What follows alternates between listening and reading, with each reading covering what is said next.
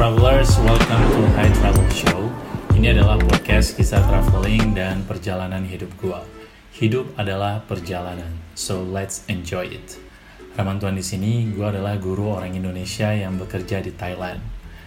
Gue ingin share banget ke sahabat-sahabat travelers yang ada di sini tentang diri gue sendiri dan juga sedikit cerita awalnya High Travel ada terbentuk dan ini adalah bakalan menjadi project jangka panjang gue dan ke depannya ingin gue kembangkan, kembangkan, dan kembangkan. Halo semuanya, nama lengkap gue adalah Abdul Rahman Simbolon Tuan dan biasanya nih kalau di rumah panggilan kecilnya itu dipanggil Abdul. Kalau tapi kalau teman-teman gue kebanyakan manggil gue Rahman, ada juga yang manggil Bolon juga ada bahkan dan juga ada manggil Bedul misalnya, ada juga yang manggil Mamen, Ramen, macam-macam. Ada juga yang manggil Ab misalnya, ada juga Abdul jadi Ab gitu. Jadi macam-macam gue dipanggilnya, tapi uh, overall semuanya ya gue panggil Rahman aja dan nama Instagram gue itu adalah Rahman Tuan. Kenapa Rahman Tuan? Karena Tuan itu adalah uh, nama panjang gue tadi Abdul Rahman Simbolon Tuan dan gue ambil Rahman dan Tuannya. Menurut gue nama itu lumayan catchy dan gue juga suka. Kenapa ada tuannya nih Simbolon? Jadi Simbolon itu adalah marga uh, dari suku Batak Toba. Jadi bagi kalian yang belum tahu, Batak itu ada terbagi menjadi enam jenis dan salah satunya itu adalah Batak Toba. Jadi simbolon itu ada banyak jenisnya, ada sekitar 8 dan gue adalah kebagian simbolon jenis simbolon tuannya gitu.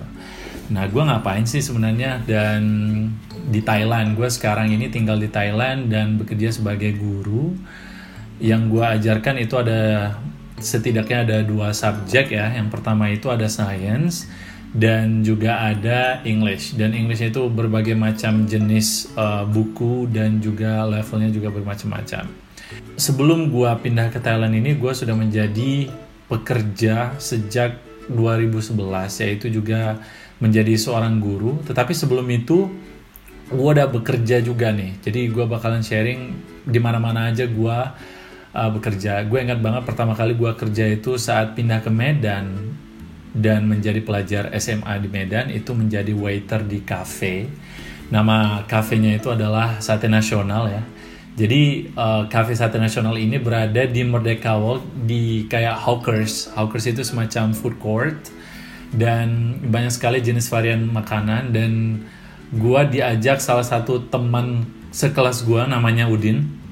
Jadi Udin ini adalah kasir waktu itu dan gue sangat tertarik untuk mencari tambahan di weekend awalnya. Jadi gue bekerja sebagai part time dan itu pun hanya di weekend saja sebagai waiter waktu itu dan gue masih muda banget ya. Itu umur um, 16 tahun waktu kelas 1 SMA dan gue bekerja sebagai waiter untuk mempromosikan nih kepada customer yang ada di Merdeka Walk itu uh, untuk mempromosikan sate. Jadi ada berbagai jenis sate ya waktu itu. Ada sate Padang, sate Jawa, sate Madura dan ya sate kacang ya kalau bagi yang belum tahu itu sate Jawa. Di situlah gue pada awalnya uh, membangun rasa confidence, rasa percaya diri dan belajar berkomunikasi dengan orang-orang baru dan itu sangat-sangat nervous ya waktu itu karena itu pekerjaan pertama gue dan gue diberikan amanah bagaimana supaya sate nasional itu laku waktu itu sebanyak mungkin dengan menawar-nawarkan ke orang-orang yang berdatangan ke Merdeka Walk tersebut. Nah itu ingat banget gue bekerja dan semenjak itu gue ada juga lanjut ke restoran, nelayan itu lumayan terkenal waktu itu dan gue juga bekerja sebagai waiter digajinya juga alhamdulillah untuk uang jajan ya. Jadi tujuannya waktu itu gue untuk tambahan uang jajan karena sejak SMA kelas 1 itu gue udah nggak kebanyakan ya. Kebanyakan gue udah nggak minta uang jajan lagi ke orang tua atau ke abang gue waktu itu di mana gue tinggal bersama dengan abang dan mama gue di Medan. Nah awal mulanya gue mengajar itu jadi guru itu di tahun 2011 di mana gue diajak awalnya ditawarin untuk mengajar privat. Dan gue memberanikan diri waktu itu cuma sekali atau dua kali gitu kan. Karena gue memang tidak ada basic mengajar waktu itu dan harus ada ide terus kan. Uh, selama dua jam berlangsung itu kamu harus uh, mengajarkan anak itu apa aja. Yang penting uh, prosesnya berlanjut. Dan itu sangat-sangat membutuhkan ide kreatif uh, untuk menjadi seorang guru kan?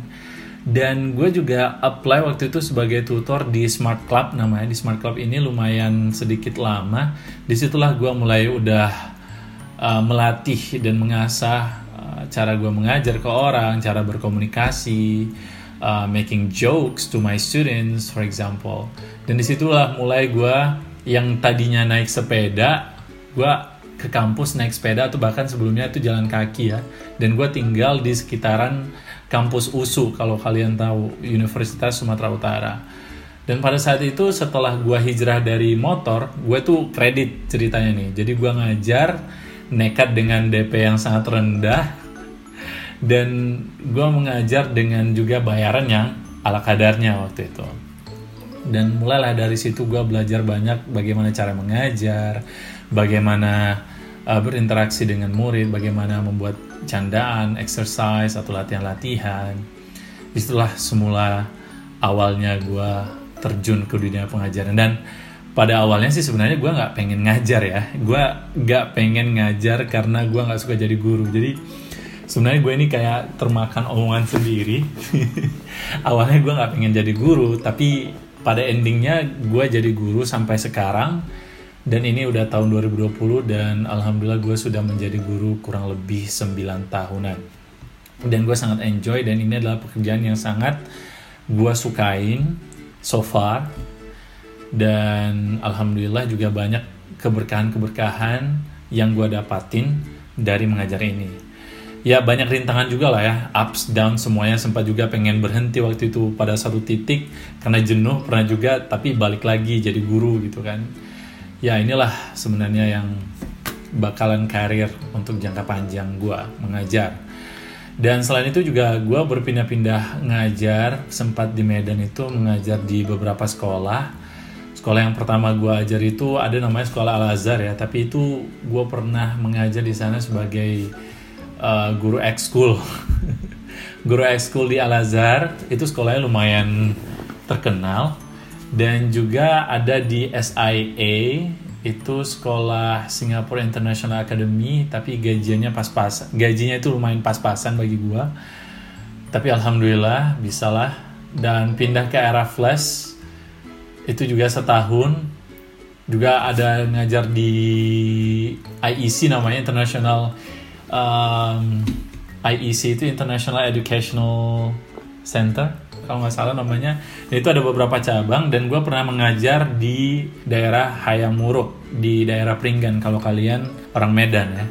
Nah itu juga lumayan memberikan pengalaman dan pada akhirnya karena gue di Medan itu di USU di Polmednya sih karena gue mengambil program yang diploma waktu itu ya jadi gue pindah lah untuk uh, mengejar pendidikan gue ke tingkat S1 di tingkat S1 ini gue memutuskan untuk pindah ke provinsi lain yaitu di Riau dan alhamdulillahnya karena gue di D3 nya itu negeri dan gue juga berdoa gue berusaha pengen lanjut ke negeri juga dan gue diterima di Universitas Riau di tahun 2015 waktu itu. Nah di 2015 itu adalah kayak semacam chapter baru lagi buat hidup gue survive dan ini gue benar-benar sendirian waktu itu dan alhamdulillah gue ketemu dengan orang-orang baik. Ada yang satu organisasi juga ngebantuin gue untuk nampung gue tinggal waktu itu beberapa saat sebelum gue punya kontrakan sendiri atau rumah kosan sendiri selama jadi mahasiswa di Undri gue juga dapat pekerjaan alhamdulillah sebagai guru di sana. Dan sekolah yang pertama gue apply waktu itu adalah gue diantarkan sama abang gue namanya bang Hamdi. Dia uh, senior gue di exchange ke Jepang. Waktu itu dia baik banget ngebantuin gue buat apply di sekolah ses namanya. Um, ses itu salah satu sekolah yang lumayan terkenal di Pekanbaru. Dan gue ingat banget gaji gue juga lumayan ya alhamdulillah ya pas-pasan ya untuk hidup jadi gue tipe kalinya lebih kepada yang survivor gue bekerja nggak sampai sekitar enam bulan waktu itu tapi udah pindah ke sekolah lain jadi uh, karena tuntutan hidup biaya hidup di Pekanbaru dan gue harus menabung juga untuk uh, biaya perkuliahan gue yang waktu itu padat Sabtu Minggu ya. Jadi gue memutuskan untuk pindah dengan tawaran gaji yang lebih baik waktu itu. Nah gue pindah dari satu tempat pekerjaan itu kebanyakannya ada yang gue dikat karena memang pemotongan karyawan di sekolah sebelumnya ada di Medan. Ada juga yang itu karena um, ya gue berhenti karena pindah atau ada juga yang memang karena kurang nyaman. Tapi yang di Pekanbaru itu gue sangat menyukai berbagai aspek ya terutama orang-orangnya itu sangat lovely sangat baik-baik juga. Dan lingkungan sangat bersahabat itu yang gue kangenin dari Pekanbaru itu. Kalau dibandingkan dengan Medan itu makanannya lebih ke makanan sih. Orang-orangnya kan tahu sendiri lah orang Medan sering ngegas ya kan. Kadang lupa ngeremnya. Nggak usah gue juga orang Medan gitu kan. Nah tapi ya begitupun uh, setelah enam bulan gue pindah ke sekolah yang namanya sekolah Dharma Yuda Nah di sinilah gue berkarir sambil menyelesaikan program S1 gue di Undri waktu itu dan itu gue jadi bekerja di sana kurang lebih tiga tahun empat bulan ya sebelum gue pindah ke Thailand ini mengajar di Thailand bagian selatan.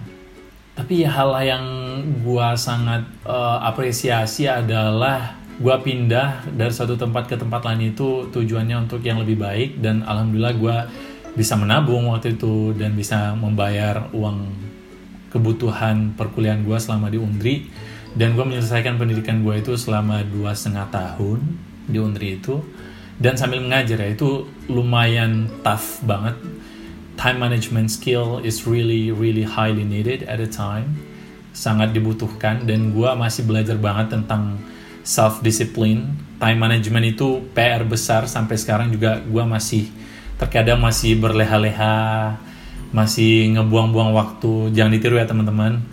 Jadi sahabat-sahabat travelers gue yang di sini kalau misalnya kalian pengen sukses sebenarnya gue menyesalkan terlalu mungkin banyak waktu yang terbuang ya.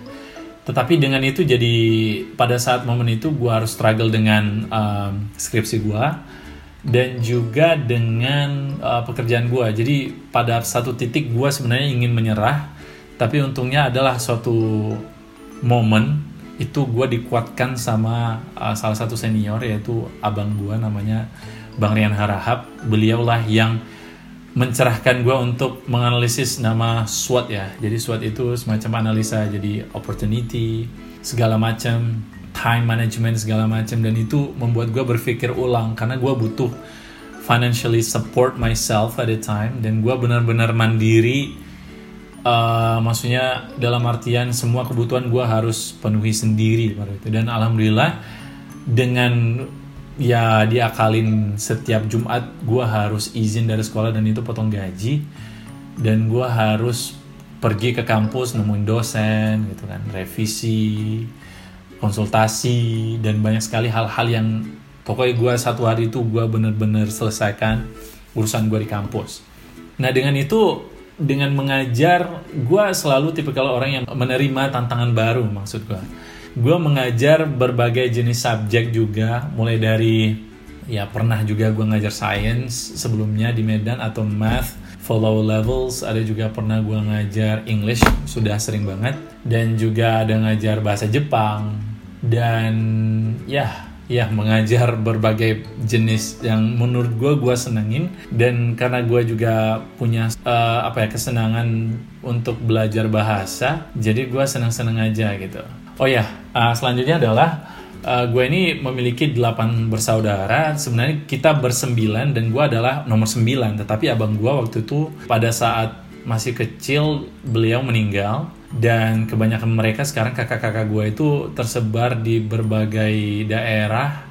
Ada juga yang tinggalnya bahkan di dekat Danau Toba. Ada yang di Jakarta ada yang di Medan. Tapi kebanyakan di Medan dan gue sendiri nih yang sedikit sesat sih bukan tersesat ya kejauhan kali ya. Orang anggapnya kejauhan untuk tinggal di negara orang. Dan hobi gue adalah pertama itu nyanyi. Gue pengen banget nyanyi tapi nggak pernah kesampaian.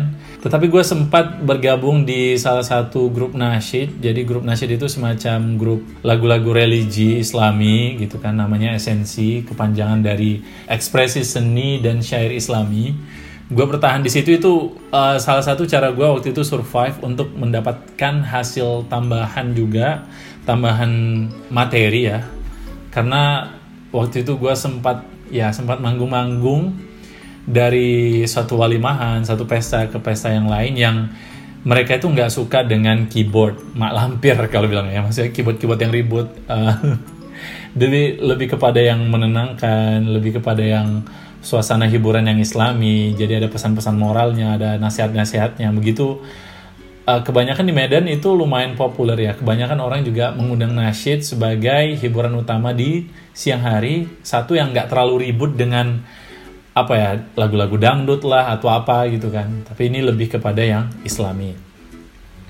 Dan selain itu juga gue bisa hmm, apa ya memiliki kemampuannya ini bukan apa ya pamer atau apa. Tapi uh, karena gue bilang tadi gue suka banget belajar bahasa yang pertama gue tertarik sekali dengan belajar bahasa Inggris waktu itu. Udah mulai dari kecil. Jadi guru gue di SMP gue belajar bahasa Inggris itu mulai dari kelas 6 SD itu belajar 1, 2, 3, A, B, C dan lanjut ke SMP ya. Jadi kelas 1 sampai kelas 5 SD itu sama sekali nggak belajar bahasa Inggris karena di tempat gua yang sangat sangat um, suburb nggak nggak terekspos lah ya. Maksudnya pada pada saat momen gue itu kita sangat sangat uh, tidak terkenal lah dengan tidak familiar sekali dengan bahasa Inggris atau orang yang berbahasa Inggris dan pada suatu saat di perkuliahan ya singkatnya di perkuliahan gue mulailah ikut dengan klub-klub debat bahasa Inggris waktu itu. Dan ya ada ada juga yang namanya LCE Language and Culture Exchange. Gue jadi member di situ modalnya hanya 75.000 atau 100.000 waktu itu. Dan itu berlaku setahun manfaatnya di sana kita bakalan ketemu dengan orang-orang Amerika. Kebanyakan mereka adalah misionaris tetapi mereka uh, senang sekali berbagi ke kemampuan atau ilmu bahasa Inggrisnya dengan kita kita yang sangat miskin. Ilmu waktu itu gue seorang uh, mahasiswa baru fresh di ya fresh lah ya the first year at the time. Dan I really wanted to learn English. So tapi dengan yang budget karena sekali lagi waktu SMA sebenarnya gue pengen banget yang ikut les lah segala macam tapi karena nggak mampu jadi itu sangat terbatas. Dan di perkuliahan inilah gue paksa diri gue ikut lomba debat dan itu bahasa Inggrisnya itu sangat-sangat buruk waktu itu. Jadi singkat ceritanya karena melalui debat itulah gue tekun latihan walaupun yang dibahas itu entah apa-apa aja dan bahasa Inggris gue sangat kacau dan gue sangat senang berbahasa Inggris. Dan selain itu gue tambah lagi dengan bahasa Jepang ya. Nah singkatnya tadi dengan yang debat itu, alhamdulillah gue sangat banyak mendapatkan manfaat-manfaat positif, eh, terutama uh, pengalaman untuk ikut lomba tingkat nasional, traveling ke provinsi lain pertama kali, naik pesawat pertama kali, itu sangat-sangat exciting bagi saya waktu itu. Ya ikut lomba ke Palembang atau ke Makassar, tapi free dibiayain kampus itu siapa sih yang nggak mau ya kan?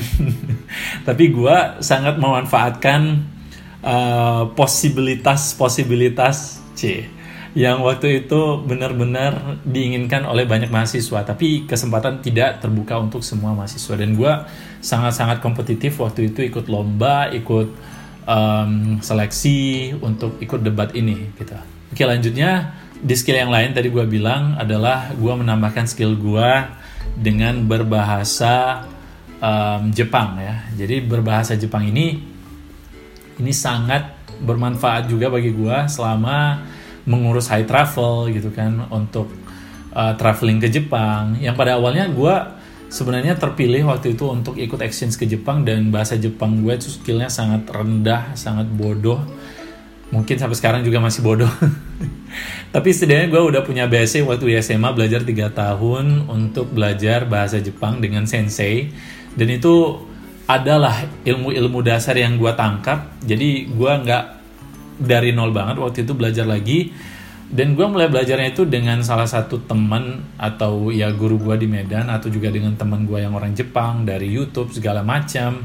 Dan pada satu titik alhamdulillah itu gue bahkan bisa menjadikannya itu jadi sumber rezeki. Jadi gue mengajar lagi dengan apa ilmu yang gue dapatkan gue ajarkan lagi dengan murid privat gue dan alhamdulillah menghasilkan um, profit lah ya untuk di jadi gue menganggap ilmu itu pada awalnya adalah sangat-sangat pahit ya untuk kalian menuntut ilmu tetapi gue merasakan di berbagai banyak area setelah kalian menuntut ilmu itu buahnya bakalan manis kok.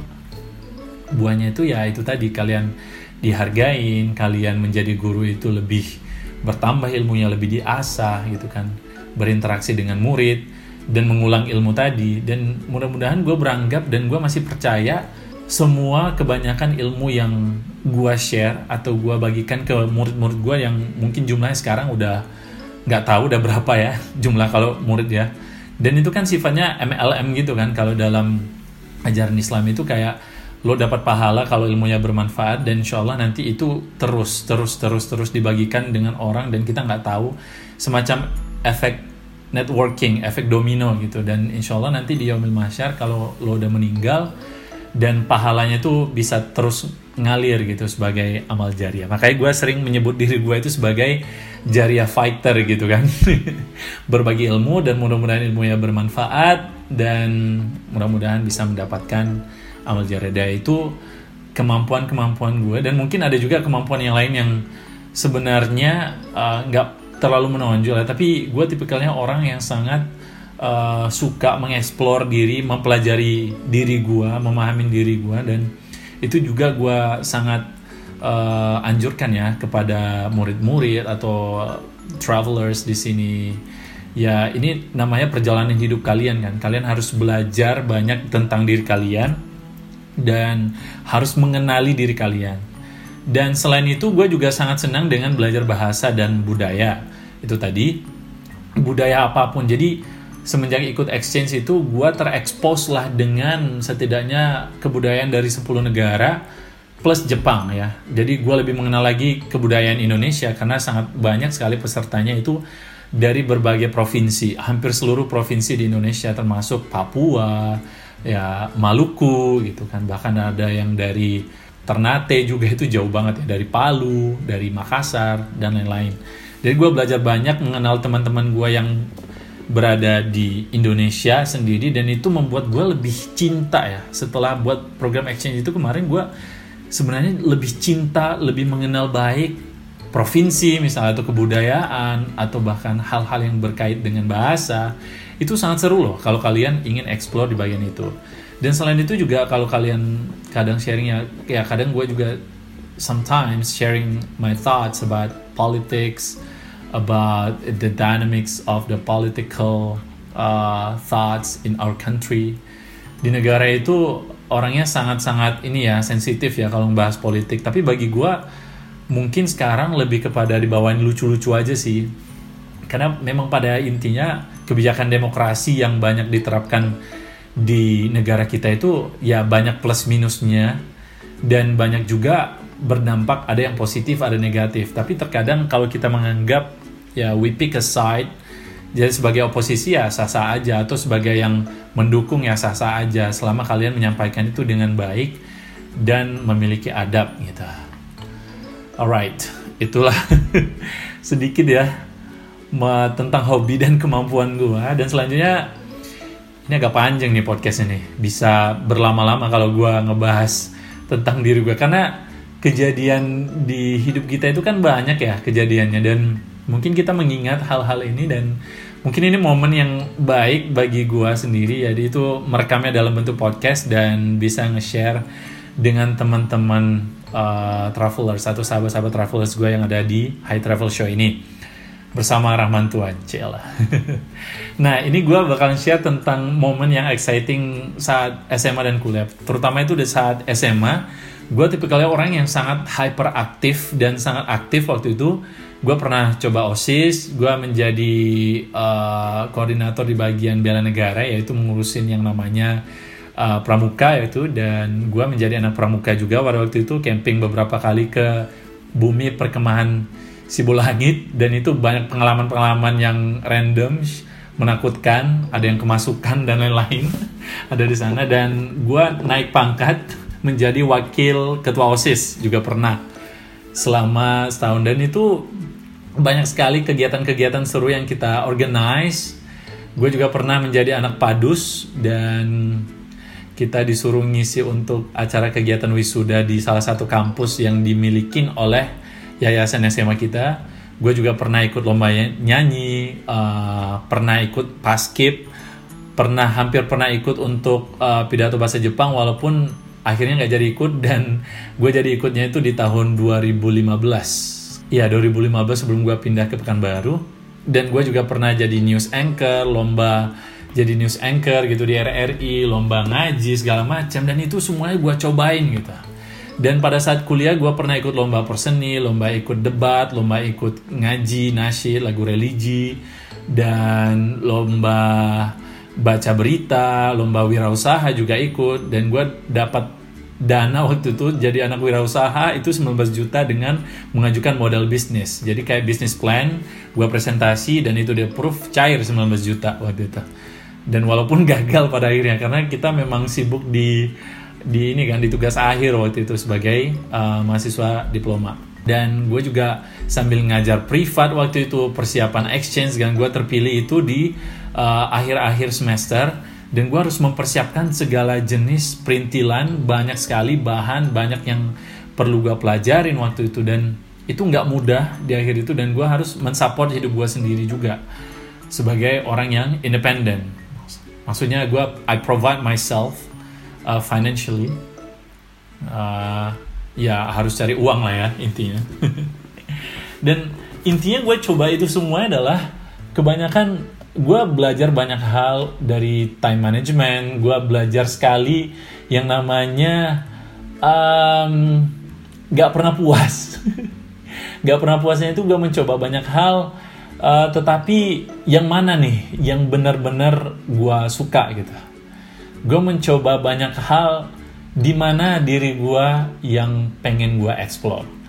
Gue mencoba banyak hal ingin lebih tahu mengenali diri gue jadi endingnya itu sebelum gue settle di satu bidang gitu kan. Dan pada akhirnya ya mengajar gitu kan mengajar.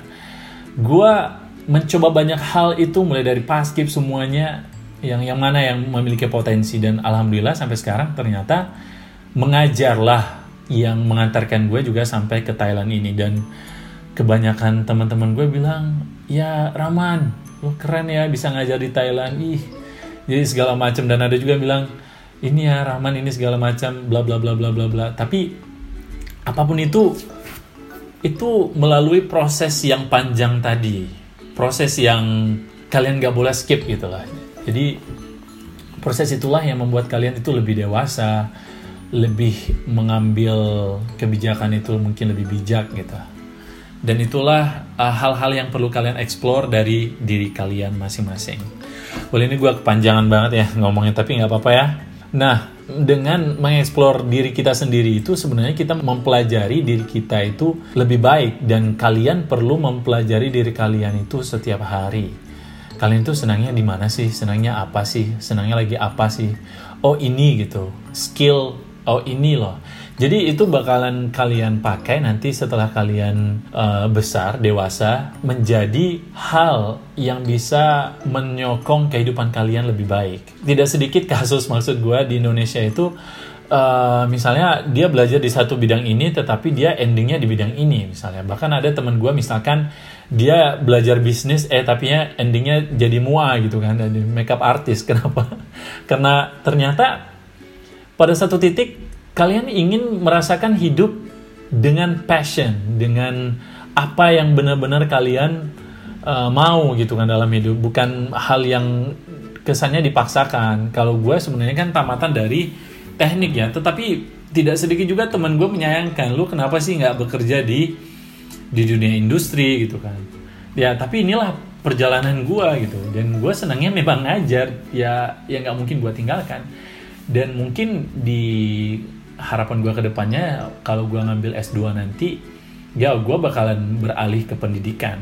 Intinya intinya apa pun itu selama lo ikhlas ngejalaninnya senang menjalani hidup lo ya lanjut aja gitu. Nggak usah ragu. Dan selama itu menghasilkan ya. Jangan nanti lo pindah gitu kan. Dari satu bidang ke bidang lain tapi itu nggak menghasilkan sama sekali ya. Bullshit gitu kan jadi kalian harus survive juga. Jadi gue belajar dari teman gue ada gitu kan harus bersekukuh ini gitu. Dia memilih A gitu harus A tetapi dia nggak peduli. Dia harus makan pada hari itu. Dia harus uh, memenuhi kebutuhan dia pada hari itu. Tetapi ya orang-orang seperti itu menurut gue gagal untuk survive secara bukan ideal ya secara cara logika guys ya kalian harus survive intinya seperti itu. Dengan cara apa pun cara hidup kalian usahakan itu baik jangan cari dengan cara yang haram dengan cara yang tidak baik dilarang agama menentang negara gitu. Dan itu bukan cara-cara kehidupan yang baik yang kalian sudah diajarkan ditanamkan sedari kecil. Ingat lagi orang tua itu pasti mengatakan mensugesti hal-hal yang baik selama kalian kecil kan. Oke kita lanjut ke sharing about high travel ya. Kenapa gimana high travel show itu? Bukan high travel show ya high travel show ini adalah sub dari kegiatan high travel. Jadi sekalian gue promosi untuk high travelnya gitu. Jadi high travel ini awalnya nggak ada. Yang pertama itu adalah gue sebagai travel organizer untuk studi tour di tempat kerja gue di sekolah um, Dharma Yuda namanya. Jadi uh, sekolah Dharma Yuda ini adalah sekolah yang sangat berpotensi tinggi untuk melakukan yang namanya studi tour ke luar negeri. Dan itu nggak semua sekolah mau melakukan hal ini. Kebetulan sekolah ini itu kebanyakan ya 80% anak-anak yang ada di sana itu adalah kelas menengah ke atas. Karena dari uang sekolah mereka aja udah lumayan mahal ya guys, nggak murah. Dan ini salah satu sekolah yang top yang berada di Kota Pekanbaru. Itu kalau di Medan itu semacam sekolah uh, Prime One School misalnya. Itu sangat baik sekali bagi gua jadi awalnya itu adalah ketika kepala sekolah gue lagi risau. Cie, kan risau ya. Jadi beliau ingin membuat program, gue mendengar waktu itu, uh, si kepala sekolah ingin membuat trip ke Jepang. Setelah sebelumnya mereka sudah berhasil membawa murid-murid untuk melakukan studi tour juga ada semacam camp, winter camp, itu ke China, ada juga pernah ke Korea, ada juga pernah ke negara yang lain. Tetapi kali ini untuk pertama kalinya nih uh, sekolah ini ingin melakukan studi tour ke Jepang. Dan si kepala sekolah mengatakan uh, ingin membuatnya tetapi ingin bekerja sama dengan salah satu agent waktu itu yang ada di Jakarta. Dan gue ingat banget mereka buat programnya itu nggak sampai 10 hari ya. Itu kurang lebih 8 hari. Tapi biayanya itu 25 juta waktu itu. Dan itu kan lumayan mahal ya 25 juta. Tapi gue nggak tahu apa-apa aja include-nya. Selanjutnya adalah ada lagi nih vendor kedua yang setelah adanya um, education exhibition diadakan. Jadi sekolah itu itu kece banget di ballroom di main hall sekolah itu uh, semacam ballroomnya di hotel mewah ya. Sekolahnya itu lumayan mewah lah pokoknya. Toiletnya aja itu dibersihkan per beberapa menit gitu kan semacam di di mall gitu. Dan tempat duduknya itu WC duduk itu bersih jadi nyaman banget di sekolah itu dan fasilitas juga mewah. Dan setelah itu uh, ada vendor kedua tadi itu dari Medan. Jadi itu semacam sekolah namanya sih Panda ya Panda uh, Language School. Dan mereka itu tempat semacam tempat les dan ngadain tur ke Jepang juga. Tetapi mereka bekerja sama dengan OBKG semacam Japanese uh, language school yang ada di Osaka. Dan itu tau nggak? Itu lebih gila harganya itu 28 juta. Coba. 28 juta itu sekitar 10-an hari dan itu naik Air Asia pula. Karena alasannya waktu itu gue tanya kenapa 28 juta? Mahal banget ya. Dan itu uh, di peak season alias Sakura. Alasannya seperti itu waktu itu.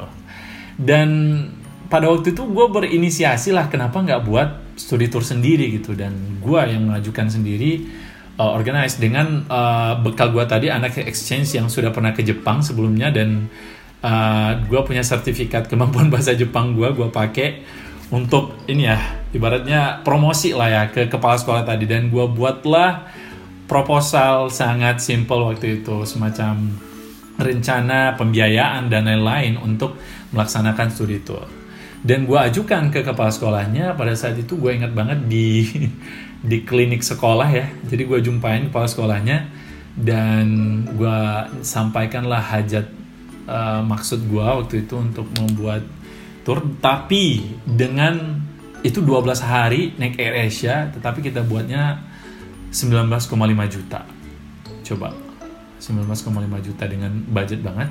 Dan itu banyak sekali yang excited sampai 32 anak ikut dan kepala sekolahnya juga kita ikutkan dan alhamdulillah semuanya berjalan lancar. Walaupun ada plus minus ya dan itu pertama kali gue nggak ada pengalaman zero experience about being a tour guide travel agency or something or travel organizer something like that. Dan karena dikasih kepercayaan itu tadi gue kan sangat excited. Dan kita ngebawa uang untuk 32 orang itu itu lumayan banyak kalau real talknya ratusan juta gitu kan. Dan alhamdulillah gue yang tadi yang nggak siapa-siapa cuma statusnya guru dipercayakan gitu kan. Dan gue harus menjaga amanah sebaik-baiknya kalau diberi kepercayaan. Itu sudah sangat-sangat diajarkan kepada gue sejak dari kecil ya. Jadi value yang ingin kita ajarkan kepada anak-anak yang kita bawa waktu itu adalah um, kita ngebawa mereka ke universitas. Awalnya itu 2017 ini trip yang pertama ada trip kedua dan ketiga sebelum gue pindah ke sini. Uh, subsequently I joined the, the trip like three times. Dan itu value yang kita kasih adalah banyak sekali mengenai self character building gitu. Mengenai bagaimana anak-anak ini kepribadiannya itu berkembang lebih baik. Mulai dari kemandirian survive quick learner dan lain-lain. Dan itu yang kita ajarkan. Contoh misalkan kita mengajarkan nilai-nilai Jepang yang anak-anak kebanyakan itu belum pernah ke Jepang. Dan sebelum keberangkatan juga gue memberikan pre-training program kepada mereka. Gue briefing gimana adabnya do's and don'ts selama di Jepang gitu kan. Anak-anak nggak boleh ini ribut segala macam uh, antri gimana? Ya kalau misalnya di hostel gimana? Jadi mereka lebih kepada pengembangan diri ada yang biasanya mereka itu kebanyakan mereka ada anak-anak nggak semua ya ada beberapa anak itu betul-betul manja dan tantangan bagi guru yang ngebawa waktu itu gimana sebagai gue guru dan juga vendor ya vendor penyedia jasa sebagai travel organizer waktu itu. Dan saya harus menyelesaikan berbagai masalah misalnya waktu itu kan anaknya nggak mau ini atau komplain ini. Jadi saya belajar banyak sekali mengenai travel organization untuk pertama kali itu. Dan misalnya kita juga ngajarkan anak-anak itu bagaimana cara beli tiket gitu kan. Dan mereka next time mereka berangkat lagi itu bisa gitu. Dan itu kejadian untuk beberapa anak itu berangkat lagi setelah trip itu ke Jepang dengan keluarganya dan mereka bisa jalan sendiri. Jadi rasa takut itu udah nggak sebanyak di awal gitu kan. Dan selain itu juga ini menjadi um, alternative choice, pilihan alternatif bagi anak-anak yang sebenarnya pengen banget ke Jepang untuk kuliah gitu kan, untuk anak SMA terutama yang dulunya anak Dharma Yuda itu sama sekali nggak pernah kepikiran untuk melanjutkan perkuliahan S1 atau ngambil kuliah bahasa ke Jepang. Tapi kalau dari potensinya itu kebanyakan mereka banyak penyuka ke Jepang itu. Tapi yang disayangkannya adalah karena tadi uh, sedikitnya informasi atau edukasi mengenai pendidikan di sana atau apa-apa saja gitu kan kebanyakan orang tua jadinya ogah. Jadi mereka hanya meletakkan anak-anak yang yang pengen kuliah ke Jepang tadi jadinya terpendam dan mereka jadinya ke Australia ke Singapura ke Taiwan ke China gitu kan atau ke Hong Kong ke Malaysia itu paling banyak tuh. Jadi selera anak-anak di sekolah saya itu waktu itu mereka sedikit sekali ke ke lokal gitu. Bahkan yang ya walaupun ada lokal itu di luar dari uh, Sumatera gitu misalnya ke Jawa UGM dan itu lumayan berprestasi. Mereka lumayan ini ya sangat banyak reputasinya untuk di luar itu. Dan inilah value-value dari high travel ini kita mengkoneksikan. Jadi um, awalnya kan waktu itu gue ditantang banget ini untuk mengkontak uh, universitas dan sekolah yang bisa dikunjungin di Jepang. Dan sekolah waktu itu pada saat tutup sebenarnya itu di bulan 4 jadi itu uh, the first day of commencement. Jadi awal sekolah. Jadi sekolah itu masih tutup kebanyakan di Jepang. Dan dan gue sampai email banyak sekolah waktu itu ya. Itu sekitar 6 atau 7 sekolah di Jepang yang gue email. Gue coba gagal banyak coba gagal coba gagal. Dan pada satu titik adalah satu sekolah yang mau menerima kita. Dan juga ada universitas itu pertama kali itu uh, Osaka University kita kunjungin ke kampusnya kampus tour semacamnya. Dan alhamdulillah dimudahkan gitu. Jadi gue belajar value untuk tidak menyerah juga saat mengurus ini. Dan banyak sekali kan mulai dari dokumen anak visa dan gue nggak ada pengalaman zero experience about how to take care of visa documents to Japan. Nggak ada sama sekali gue punya skill untuk uh, dan itu banyak sekali pertanyaan gue research dan lain-lain. Tapi terakhir alhamdulillah sekarang lebih kepada lebih dimudahkan gitu untuk um, kemampuan hal yang seperti itu. Dan alhamdulillah sekarang kalau misalnya ngurus visa ke Jepang gitu kan udah udah enak aja gitu. Yang sebelumnya nggak ada sama sekali gitu kan kemampuan gue nah ya ya ini makanya lah dari awal tujuan high travel ini lebih kepada educational trip sebenarnya untuk mengadakan um, studi tour untuk sekolah-sekolah menengah ke atas terutama anak-anak kelas 10 dan kelas 11 walaupun ada anak-anak kelas 12 mungkin lebih kepada acara perpisahan ya. Tetapi momen yang paling catchy banget nih buat gue jadi ada poin plusnya kita ngebuat trip itu pada saat momen di bulan 4 biasanya kita berangkat di awal itu karena memang musim sakura dan kebanyakan dari orang-orang uh, di Indonesia kalau misalnya pada momen itu pada sakura itu itu kebanyakan sekolah. Kebanyakan orang Indonesia kalau ke Jepang itu kalau nggak musim uh, summer holiday atau winter holiday gitu. Jadi itu sekitar bulan 6 pas lebaran atau di bulan 12 memang libur sekolah gitu kan. Jadi jadi nggak matching gitu. Dan dengan ada momen ini kita ngebuat anak-anak bolos ya dalam artian bolosnya itu untuk belajar. Baiknya adalah dari sisi kepala sekolah ini dia menangkap poin jadi anak-anak itu tidak harus belajar terus di sekolah. Jadi dia dengan besar hati uh, membiarkan beberapa anak yang berangkat tadi itu dan mereka mampu secara finansial juga disupport dengan keluarga untuk bisa belajar hal yang lain gitu. Belajar kehidupan di Jepang dan berinteraksi. Terutama saat kunjungan ke sekolah itu mereka making friends gitu.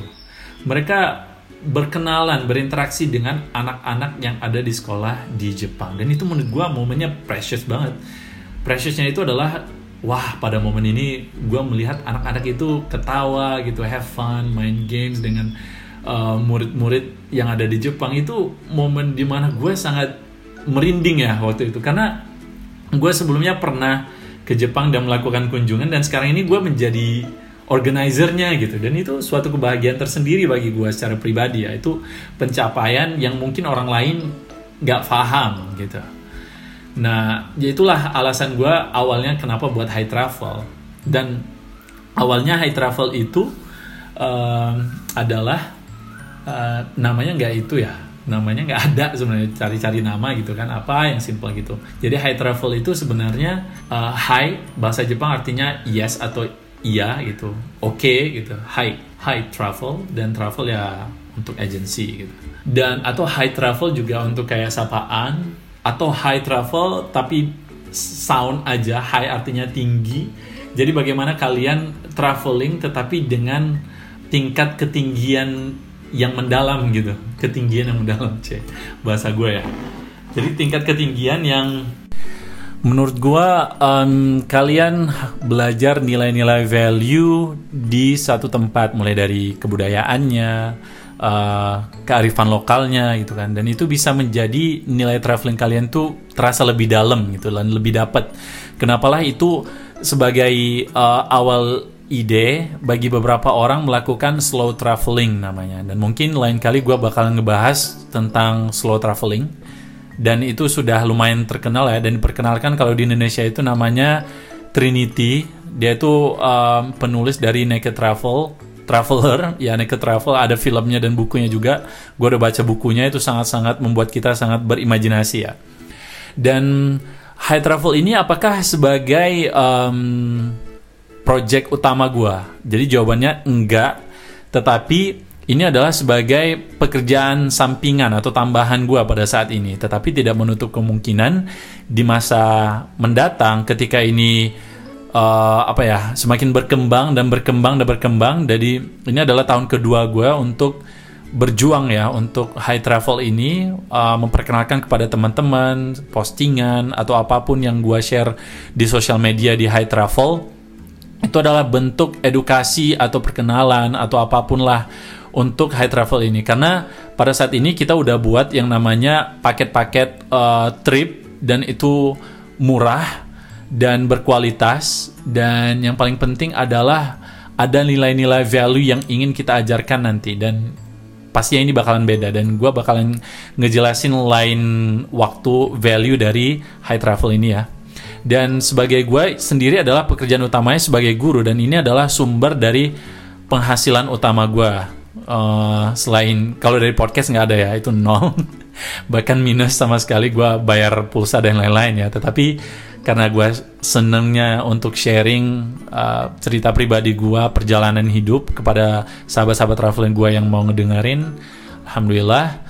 Dan gue seneng-seneng aja gitu dan kemungkinan bakalan ada. Jadi awalnya gue berpikiran hanya membuka rute yang Jepang aja. Karena ses ini sesuai dengan interest gue sesuai dengan kemampuan gue tadi ya kalau kalian ingin buat bisnis itu sesuaikan dengan problem masalah gitu kan. Apa nih masalah? Jadi masalahnya adalah belum banyaknya uh, penyedia travel terutama ini di Indonesia ya terutama untuk yang mengadakan kegiatan uh, edukatif atau kayak studi tour tetapi ke Jepang itu ngunjungin sekolah dan lain-lain kita kayak semacam uh, exchange facilitator gitu jadinya.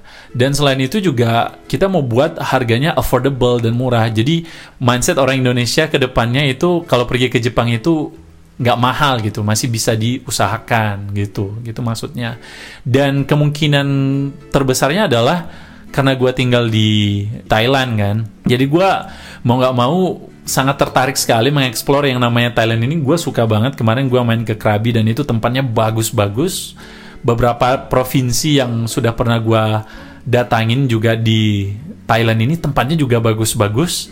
Dan itu sangat-sangat uh, apa ya layak lah untuk dicoba. Misalnya Krabi itu ada Pipi Islands ada kalau kalian pernah nonton The Beach uh, Leonardo DiCaprio itu dia syutingnya di pantai itu. Udah ada juga pantai James Bond dan lain-lain itu tempat-tempat yang sangat ikonik ya terutama daerah pantai gitu tapi tempat-tempat yang lain seperti di utara, di tengah dekat Bangkok itu juga sangat banyak keindahan-keindahan alam, taman-tamannya. Tapi yang paling penting di sini tuh sangat bersih, itu aman, jadi nggak ada tiba-tiba nanti rampok gitu kan. Kita juga misalnya menentukan destinasi jalan di tempat-tempat wilayah terutama yang um, uh, apa ya tingkat kriminalitasnya itu rendah Oke, gue nggak sabar ya pengen pengen sebenarnya sharing banyak tentang high travel ini. Gue nggak sabar uh, waiting for you guys uh, share any thought you have, oke? Okay? Uh, dan kalian bisa share on my Instagram, tag gue at rahmantuan. Nanti gue bakalan respon. Nah, kali ini gue bakalan ngajak sahabat-sahabat pendengar gue, terutama yang muslim buat berzikir bareng di podcast ini. Sebelumnya gue bersolawat, ekspresi ya rasa cinta gue terhadap Nabi Muhammad SAW, Allahumma sholli Muhammad. Kali ini gue ingin uh, mengajak teman-teman gue yang muslim terutama, kalau yang non-muslim mohon maaf, uh, kalian bisa skip bagian ini ya, nggak apa-apa, agar suasana hati kita semakin adem dan gue juga bisa dapat pahala bareng-bareng. Oke ya, Bismillah. La ilaha illallah La ilaha illallah La ilaha illallah La ilaha illallah لا إله إلا الله. لا إله إلا الله. لا إله إلا الله. لا إله إلا الله. لا إله إلا الله. لا إله إلا الله.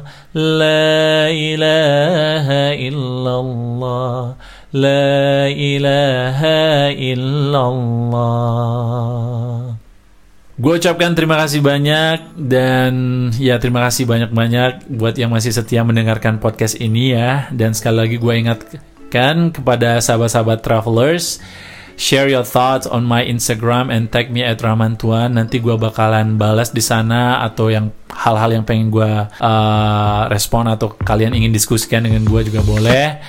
Dan gue ingatkan lagi setelah corona ini, setelah corona ya, gue libur nih sebenarnya sekolah lagi 6 minggu kan, tapi gara-gara corona nggak bisa ke mana-mana. But the positive things is I save some money. Ya, gue ingatkan lagi, tetap jalan-jalan, stay, travel, higher, and assalamualaikum ya teman-teman, bye.